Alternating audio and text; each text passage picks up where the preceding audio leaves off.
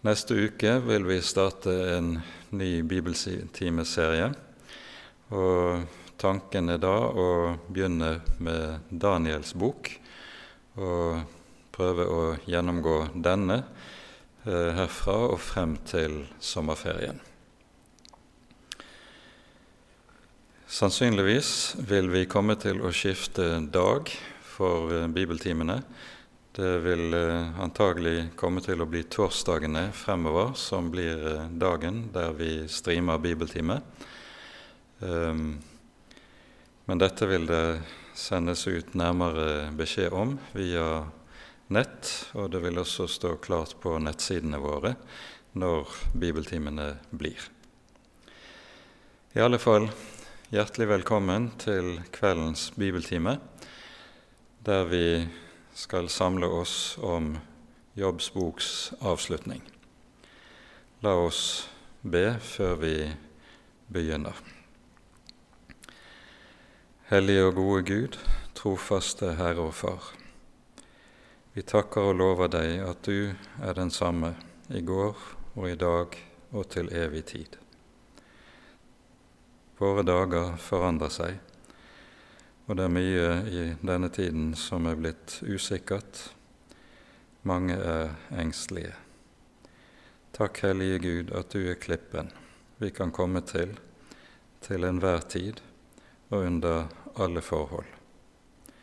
Du har sendt Jesus for at han skal være vår frelser, og i hans navn skal vi få lov til å tre inn for dine øyne, tre inn i trygghet som dine barn. Nå ber vi, gode Herre, at du vil være hos oss med din Hellige Ånd, og at du vil skrive dine ord inn i våre hjerter, for at vi må bli fast hos deg og få lov til å bli bevart hos Jesus til enden. Det ber vi i vår Herres Jesu navn. Herre, forbarm deg over oss. Amen.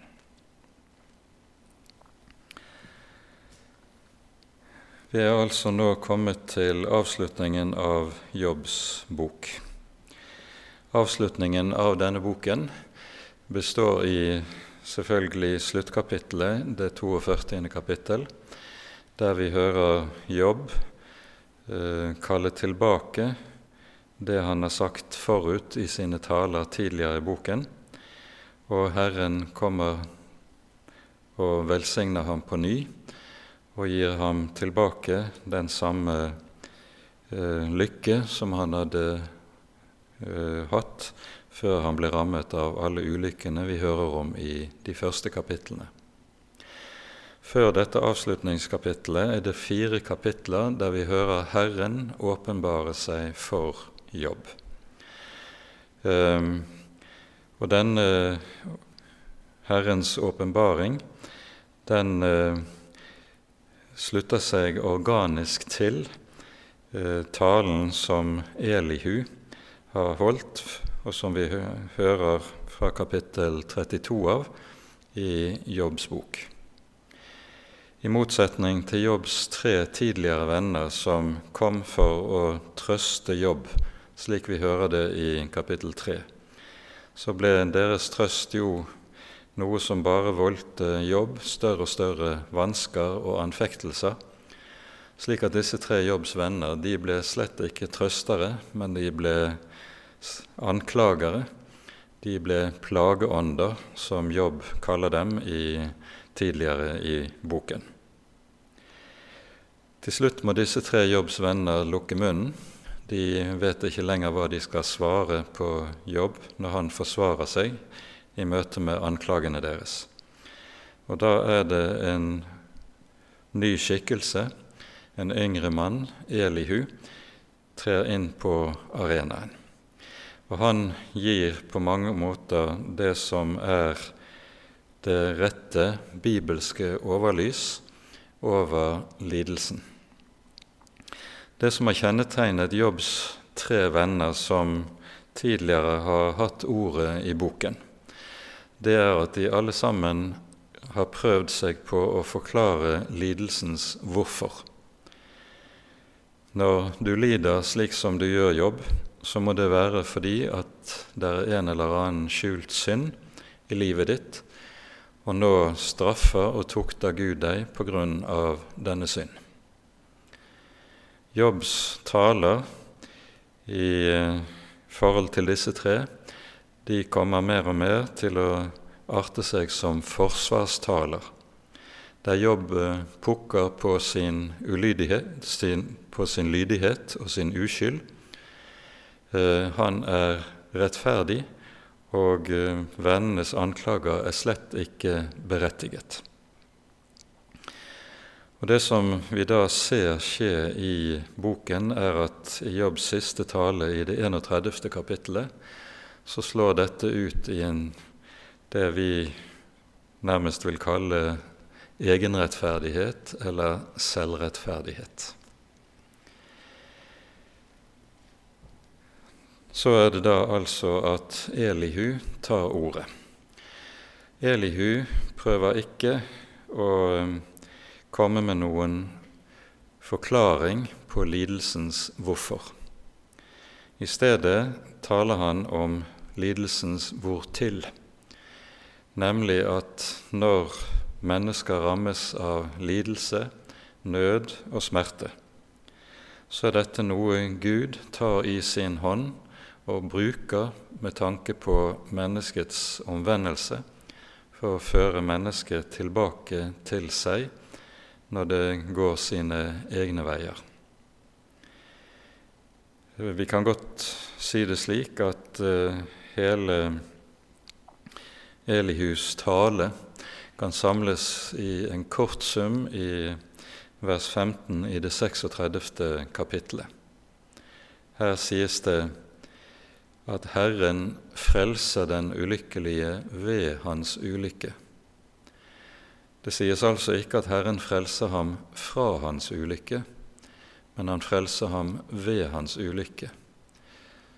Det som har rammet så hardt, og som kan smerte og volde mennesker mye lidelse. Det er altså noe Gud kan anvende som redskap med tanke på menneskets frelse. For det er ingen større ulykke et menneske kan rammes av enn at det skulle gå fortapt. Og kan Gud anvende timelige ulykker og timelig nød for å avvenne det som er den største av alle ulykker. Da er dette et godt Guds redskap tross all den smerte som kan følge med det. Elihus tale munner ut i en tale om Guds eh, allmakt, om Gud som skaper, om Gud som Guds storhet i skaperverket og som historiens herre. Og Med dette vil Elihu peke på at så små som vi mennesker er, så har vi ingen mulighet til verken å begripe Gud og hans veier, langt mindre å kunne gå i rette med Gud for alt det han gjør gjennom sitt styre. Og nettopp denne avslutningen på Elihus tale leder så direkte inn i Gudsåpenbaringen, som begynner med kapittel 38, der Herren åpenbarer seg for jobb i stormen. Det er slik at uh, i um, kapittel 36 fra vers 20 av er det vi eh, hører eh, Elihu vender talen sin til å peke på Guds storhet i skaperverket. Og her nevner Elihu tre saker i de innledende versene i denne delen av talen som er viktig å merke seg. Vi leser fra vers 21 slik.: Vokt deg, sier Elihu, vokt deg og vend deg ikke til synd. for det foretrekker du fremfor å lide. Se, Gud er opphøyet i sin kraft. Hvem er en læremester som ham? Hvem velger for ham den veien han skal følge? Og hvem kan si, du gjorde urett? Husk å opphøye hans gjerning, den som menneskene har sunget om. Her hører vi Elihu peker på tre viktige saker om Herren og Herrens gjerning. I vers 22 så sier han hvem er en læremester som ham? Her bruker grunnteksten et ord for lærer, som vi, bruk, som vi møter en rekke steder i Det gamle testamentet. Herren er en lærer. Han er den som lærer mennesket dets rette vei. I Jobbs bok er det ganske særegent å møte denne betegnelsen på Herren. Det er Den vanligste betegnelsen på Gud i Jobbs bok er Den allmektige. Dernest så hører vi i det 23. verset at det sies Hvem velger for ham den vei han skal følge? Med det pekes det på at i sin allmakt så trenger Gud ingen rådgiver. Det er slik at, som vi hører det i en rekke andre sammenhenger i vår bibel, at spørsmålet stilles hvem var hans rådgiver, når det taler både om skaperverket og om hvorledes Gud styrer historien og dens gang.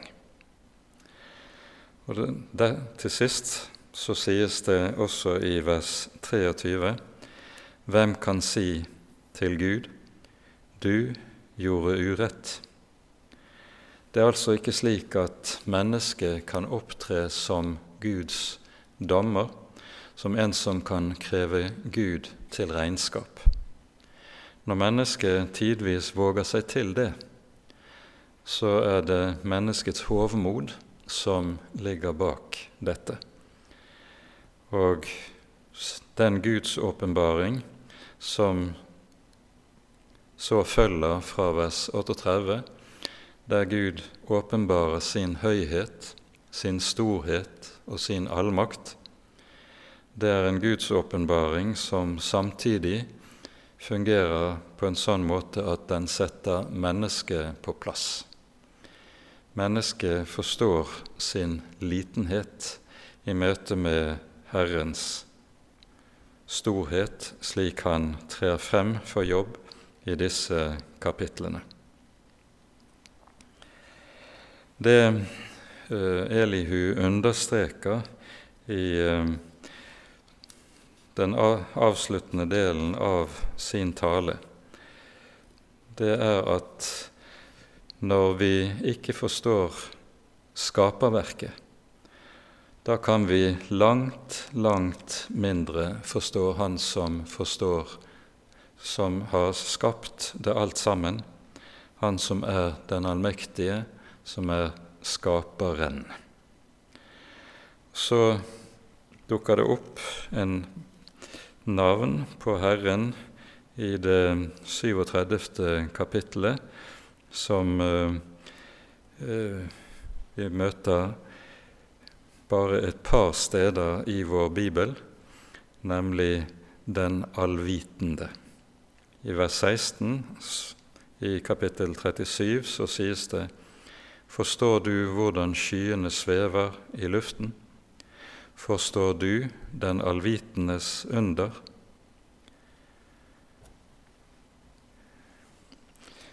Ordet eller begrepet som er oversatt med 'den allvitende', betyr bokstavelig 'den som er fullkommen og fullstendig med henblikk på viten'.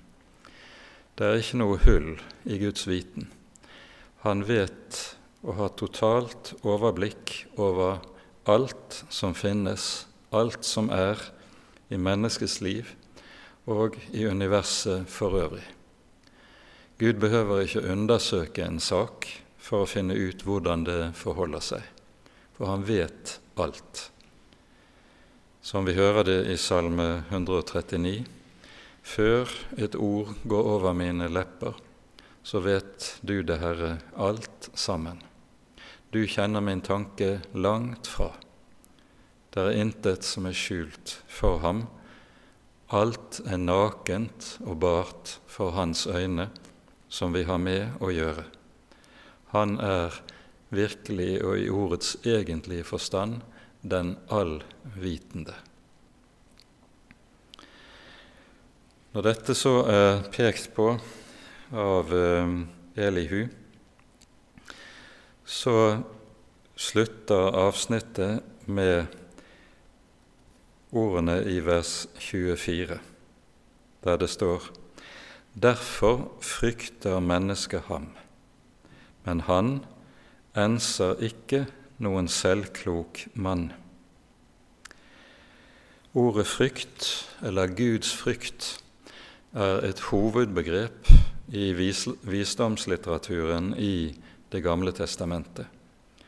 Derfor hører vi også allerede i innledningen i ordspråksboken at det lyder å frykte Herren er begynnelsen til visdom.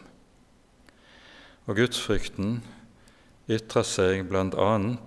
i det som er Jobbs reaksjon på gudsåpenbaringen som nå følger. Jobb bøyer seg i ydmykhet for Herren. Motsetningen til gudsfrykten er slik som vi hører det her i dette verset vi leste selvklokhet. Det at mennesket er selvklokt, nemlig mener seg selv å overblikk over alle ting, og derfor ikke behøver veiledning fra Gud, men tvert om godt kan tenke seg å gi Gud gode råd med med på veien, Alt det er slikt som kjennetegner selvklokheten.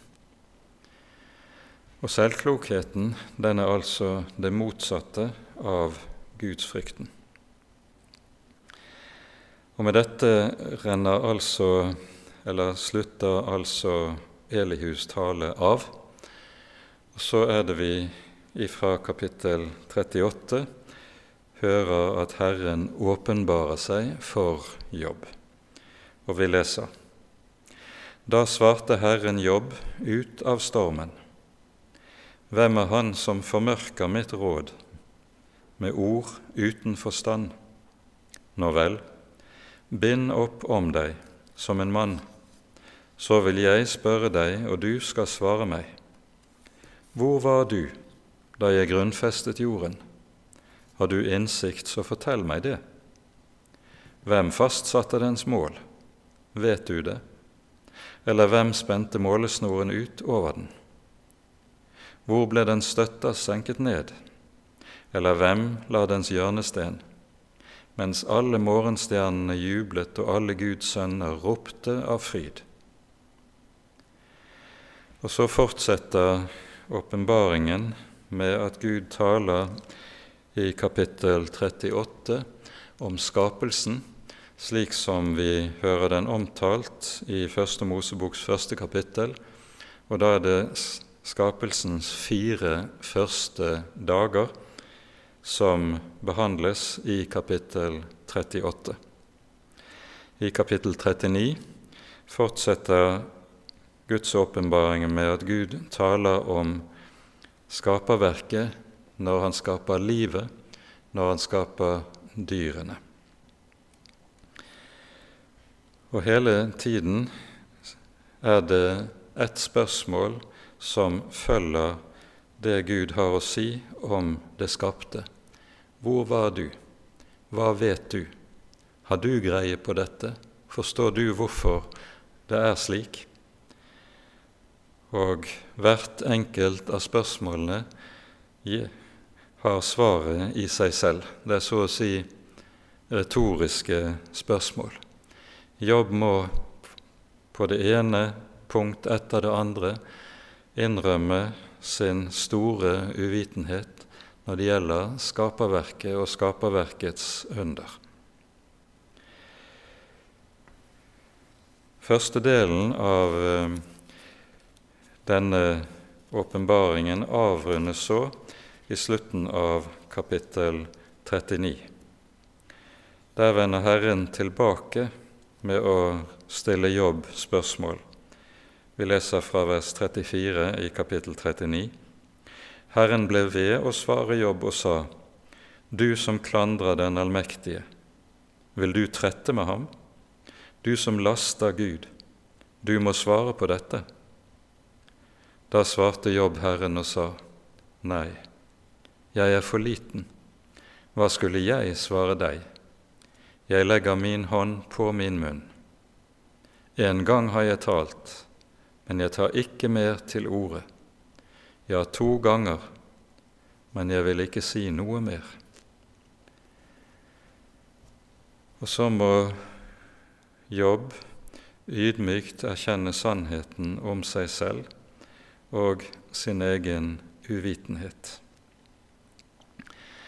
Hvorpå kapittel 40 fortsetter med at Herren går videre, og vi leser Herren svarte Jobb ut av stormen og sa:" Bind opp om deg som en mann.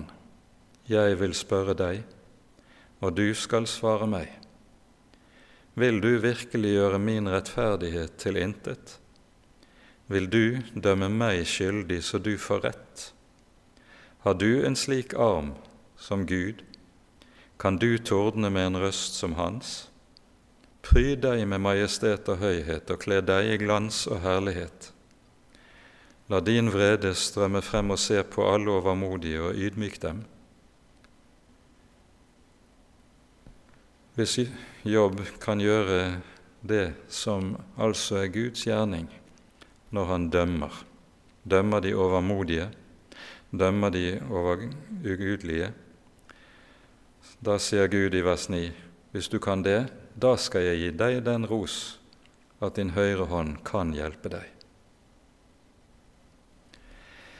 Det vi hører i disse versene, i, ganske særlig i vers 3, når Gud spør vil du virkelig gjøre min rettferdighet til intet? Vil du dømme meg skyldig så du får rett? Det refererer seg ganske særlig til kapittel 31 i Jobbsboken, som er avslutningen på Jobbs forsvarstaler. Her bedyrer Jobb sin uskyld. Han hevder at han er rettferdig og drar frem eksempel på eksempel på sin egen rettferdighet. Og underforstått ligger det da i dette at Gud kan ikke være rettferdig når uh, han lar meg ramme av slike ulykker all den tid jeg er rettferdig. Når Jobb på denne måten forsvarer seg selv, så har han på sett og vis gått inn på premissene som eh, de tre vennene tidligere har lagt, og som handler om at når et menneske rammes av ulykke, så må det ha sin grunn i at dette mennesket har bestemte synder som Gud vil straffe det for. Dette er ikke i tråd med Bibelens ord, og vår Herre Jesus avviser også den tanken uttrykkelig i Johannesevangeliets niende kapittel, når vi hører Jesus stå overfor en blindfødt mann, ehm, og disiplene spør Jesus er det han som har syndet, eller hans foreldre, ettersom han skulle bli født blind? Jesus avviser hele spørsmålet med å si verken har han eller hans foreldre syndet, men dette skjedde for at Guds herlighet skulle åpenbares på ham.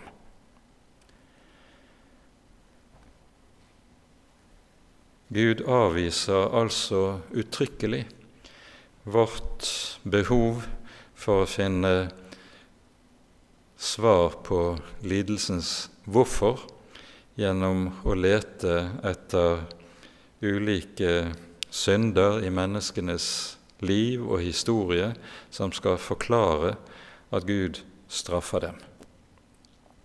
I stedet skal mennesket lære seg å frykte Gud og selv øve seg i å vike fra det onde.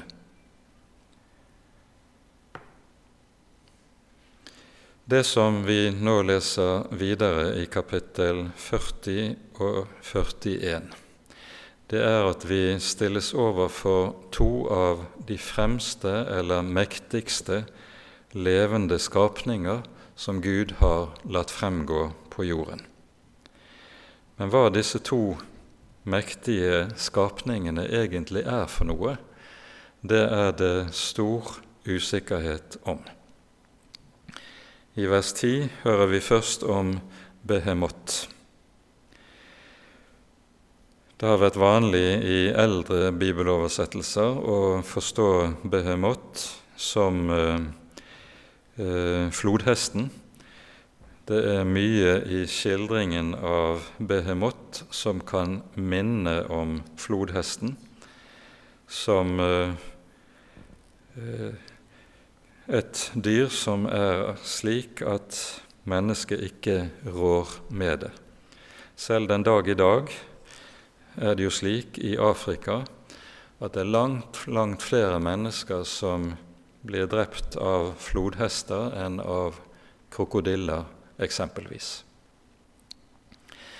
Samtidig er det andre trekk i skildringen av Behemot som slett ikke svarer til flodhesten.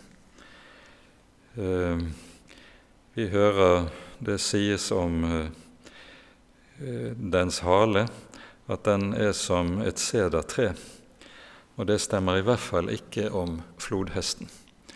Den har en ganske liten svans, akkurat som grisene har det nesten, og eh, kan neppe sies å svare til flodhestens Eh, i det som skildres her i kapittel 40. Dette har fått enkelte til å, eh, utleggere til å spekulere i om Behemot kan være en eller annen form for dinosaur. Det er jo særdeles usannsynlig all den tid vi vet at dinosaurene var utdødd årmillioner antagelig før menneskene så dagens lys. Noe slikt er rene spekulasjoner, og vi må la det ligge. Etter at vi har hørt, hørt skildringen av Behemot, hører vi så om Leviatan fra vers 20 i kapittel 40. Leviatan har i eldre bibeloversettelser ofte vært forstått som krokodillen. Og det er en god del i skildringen av den leviatan vi møter her, som kan minne om Nilkrokodillen, slik den eh, finnes i Egypt særlig da. Samtidig er det også en rekke trekk ved leviatan som vi hører her, som eh, ikke kan stemme på Nilkrokodillen.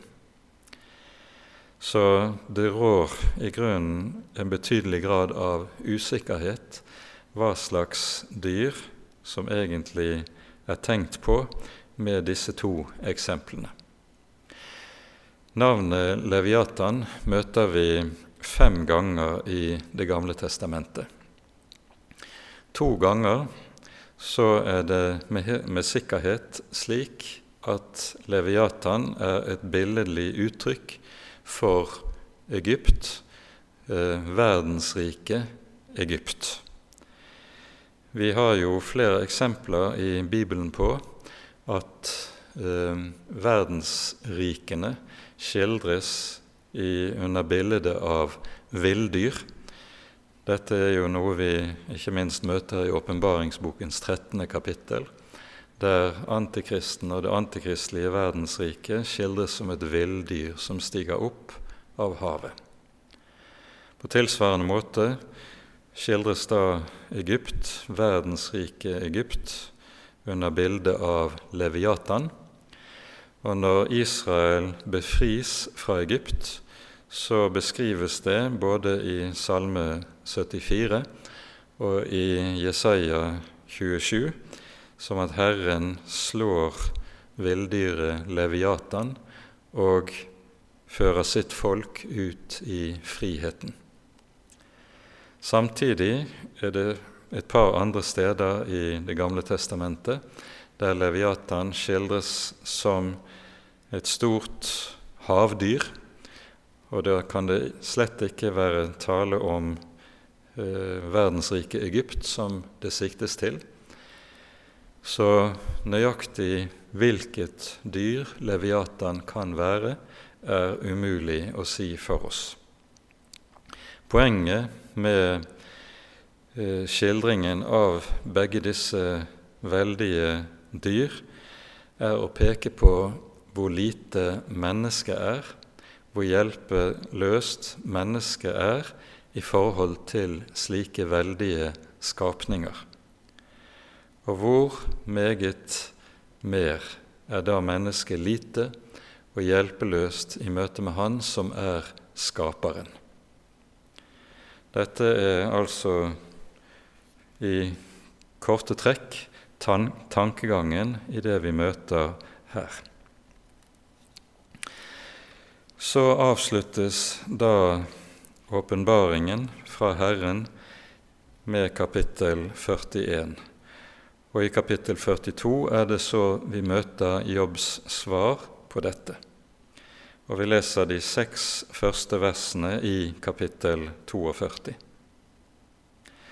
Da svarte Jobb Herren og sa:" Jeg vet at du kan alt, og at ingen plan er umulig å gjennomføre for deg.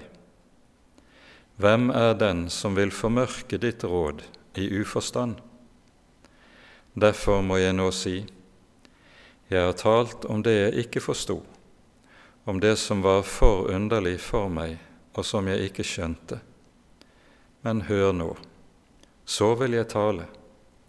Jeg vil spørre deg, og du skal lære meg. Bare hva ryktet meldte, hadde jeg hørt om deg, men nå har mitt øye sett deg. Derfor kaller jeg alt tilbake og angrer i støv og aske. Jobbs svar på Herrens åpenbaring er at han kaller alt tilbake og innrømmer sin egen uvitenhet i møte med den allmektige og allvitende. Det som har vært en erkjennelse hos Jobb hele veien. Det er at Jobb aldri har betvilt Guds allmakt. Og Derfor ser vi også at navnet Den allmektige er det Guds navnet som brukes kanskje hyppigst gjennom Jobbs bok. Men det som Jobb har betvilt, er at Den allmektige er fullt ut rettferdig når han styrer verden, og når han styrer menneskenes liv. Han har for sin egen del følt seg ytterst urettferdig behandlet av Gud når han er rammet av alle disse ulykkene. Og denne følelsen av å være urettferdig behandlet, den er ikke minst skapt av og har vokst seg sterkere gjennom vennenes anklager mot han når de har anklaget ham for skjult synd. Til å begynne med er det jo slik at når Jobb rammes av ulykker, så svarer han med å si Herren ga, Herren tok, Herrens navn være lovet. Og når han rammes enda hardere, slik som vi hører i kapittel 2, så sier han til sin hustru skal vi bare ta imot det gode av Herrens hånd? Skal vi ikke også ta imot det onde, det som smaker bittert, og som volder lidelse? Og det bemerkes under alt dette syndet Jobb ikke med sin munn. Men Jobb har altså senere, under innflytelse av vennenes ord og påvirkning, latt seg drive ut helt mot kanten av det som er rett å tale om Herren. Han har aldri fornektet Herren. Han har alltid uttrykt håpet til Herren gjennom alle sine taler.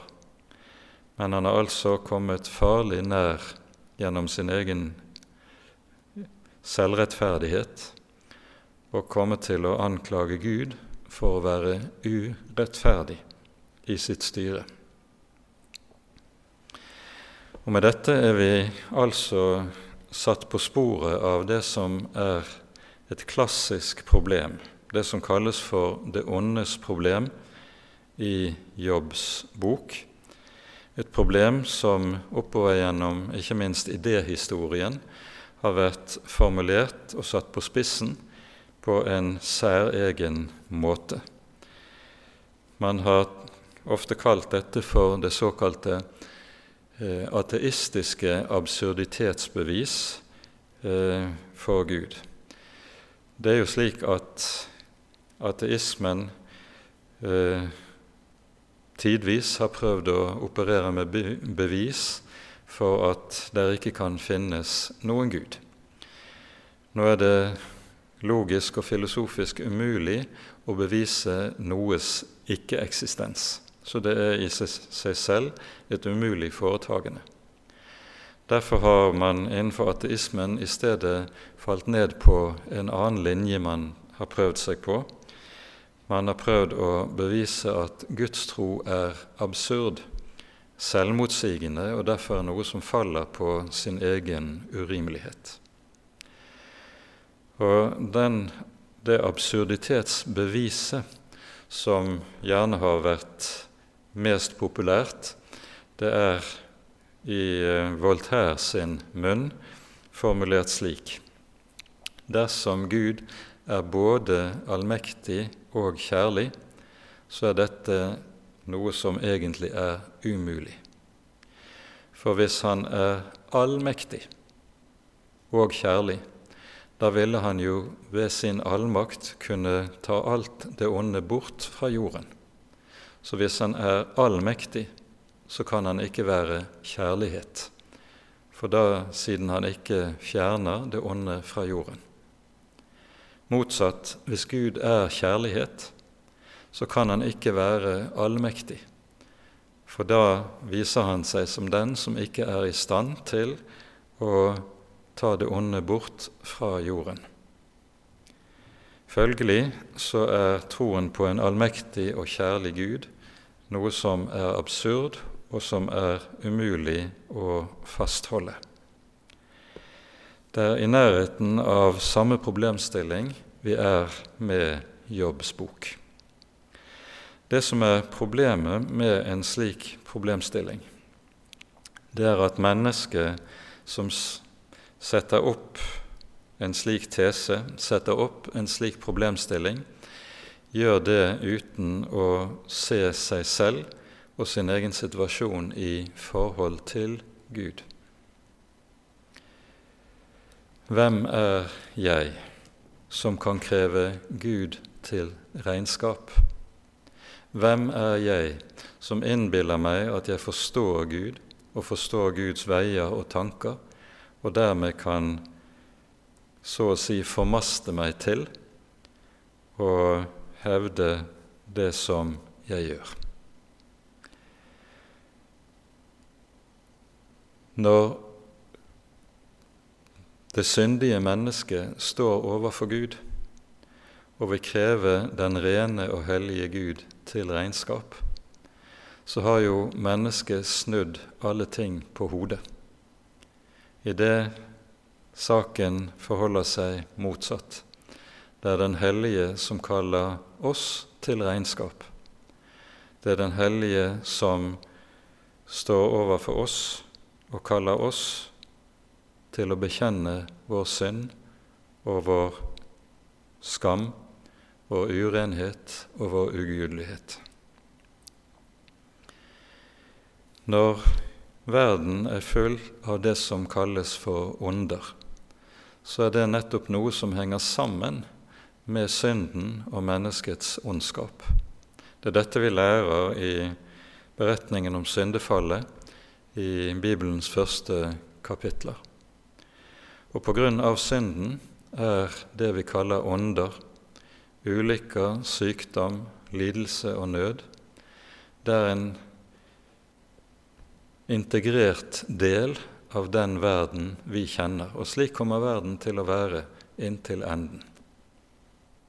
Det er først når den tid kommer der den nye skapelse står frem av Guds hånd, når det onde ikke lenger er, når djevelen og hans følge er kastet i ildsjøen, da først er alt såre godt. Da skal det også vise seg at den allmektige og allkjærlige Gud er den han er, og han er til fulle begge deler, både allmektig og kjærlighet inn til det dypeste av sitt vesen. Men her i tiden så er det slik at det onde hører med som en del av vår verden fordi det onde ligger i menneskenes hjerter. Dette er Bibelens virkelighetsbilde, og det er noe vi ikke kommer bort fra.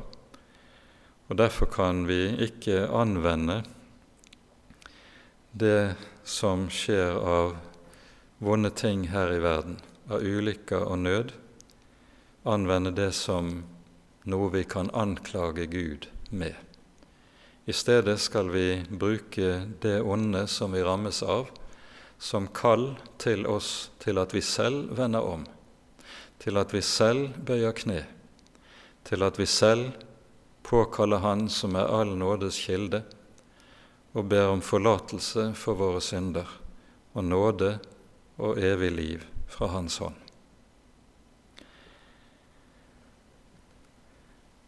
Jobb kaller altså alt tilbake i støv og aske.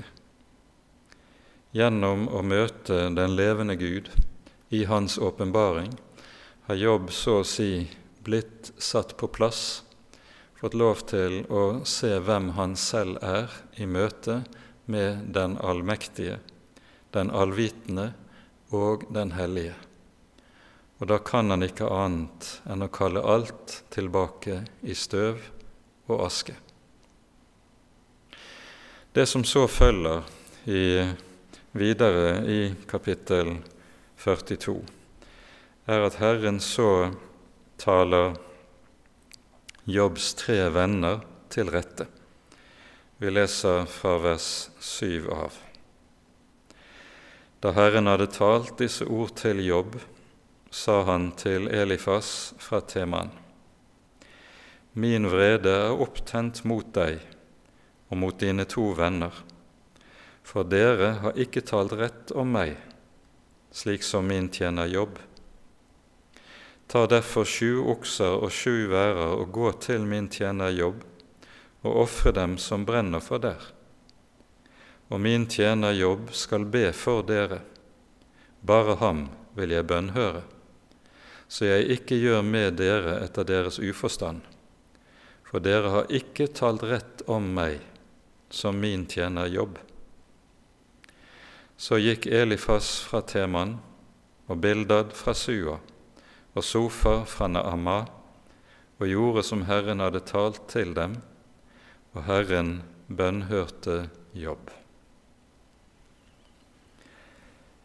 Her hører vi altså at Herren gjør meget klart at det å tale vrangt om ham, tale urett om ham, det er en alvorlig synd en synd som krever at det gjøres soning for at en kan bli gjenopprettet.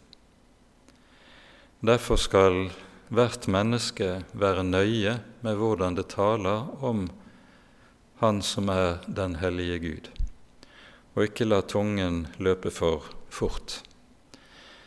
En skal holde seg nøye til det Herren har åpenbart om seg selv, og ikke la menneskelige tanker og menneskelige spekulasjoner få den posisjonen at en går utover det som skrevet står.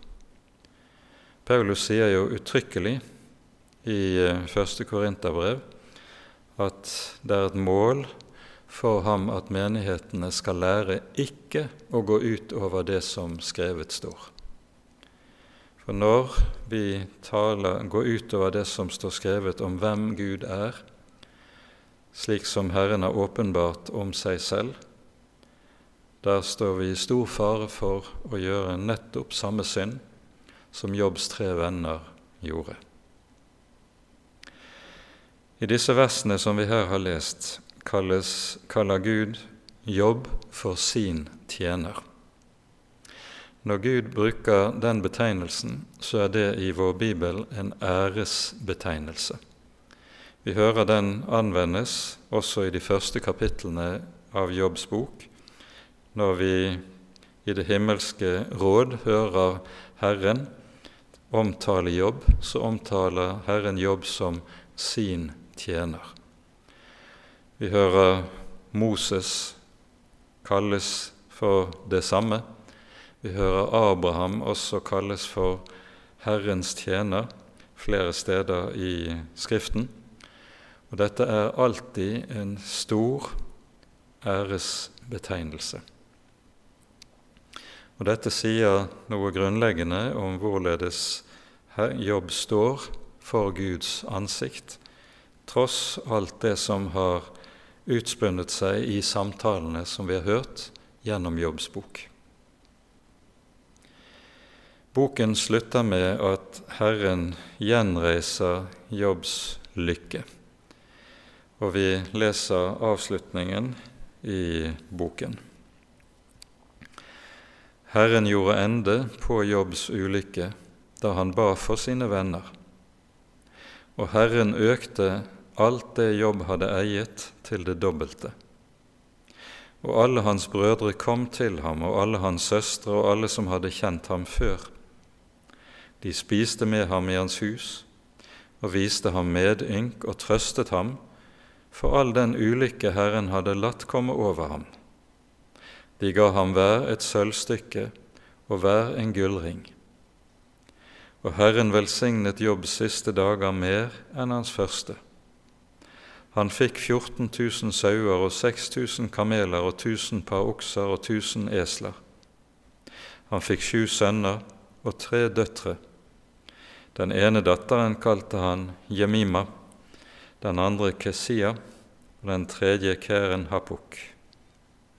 Så vakre kvinner som Jobbs døtre fantes ikke i hele landet, og deres far ga dem arverett sammen med deres brødre. Deretter levet Jobb 140 år. Han så sine barn og barnebarn i fjerde ledd. Og Jobb døde gammel og mett av dager.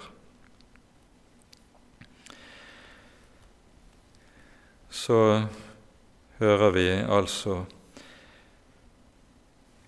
at det sies det samme om jobb her som vi leser om patriarkene i Første Mosebok. Også om flere av disse, både om Abraham og Isak, sies at de døde gamle og mette av dage. Og vi hører også om deres levealder, at den på mange måter svarer til den levealder som vi her hører om jobb. Dette er et av de flere antydninger i Jobbs bok som peker mot at vi her befinner oss omtrent i samme tidsperiode som patriarkene som vi hører om i Første Mosebok. Det er også slik at um, den myntenheten som omtales som den gaven som Jobb får, eller en av de gaver som Jobb får av sine brødre og søstre. Det er her oversatt med sølvstykker. I eh, grunnteksten står det egentlig kesitter. Det er en myntenhet som var i omløp nettopp i patriarktiden, men vi vet ikke den nøyaktige verdien på dette. Vi befinner oss med andre ord i Jobbs bok i en periode som er omtrent samtidig med Abrahams og Isaks tid, altså før Moseloven ble gitt.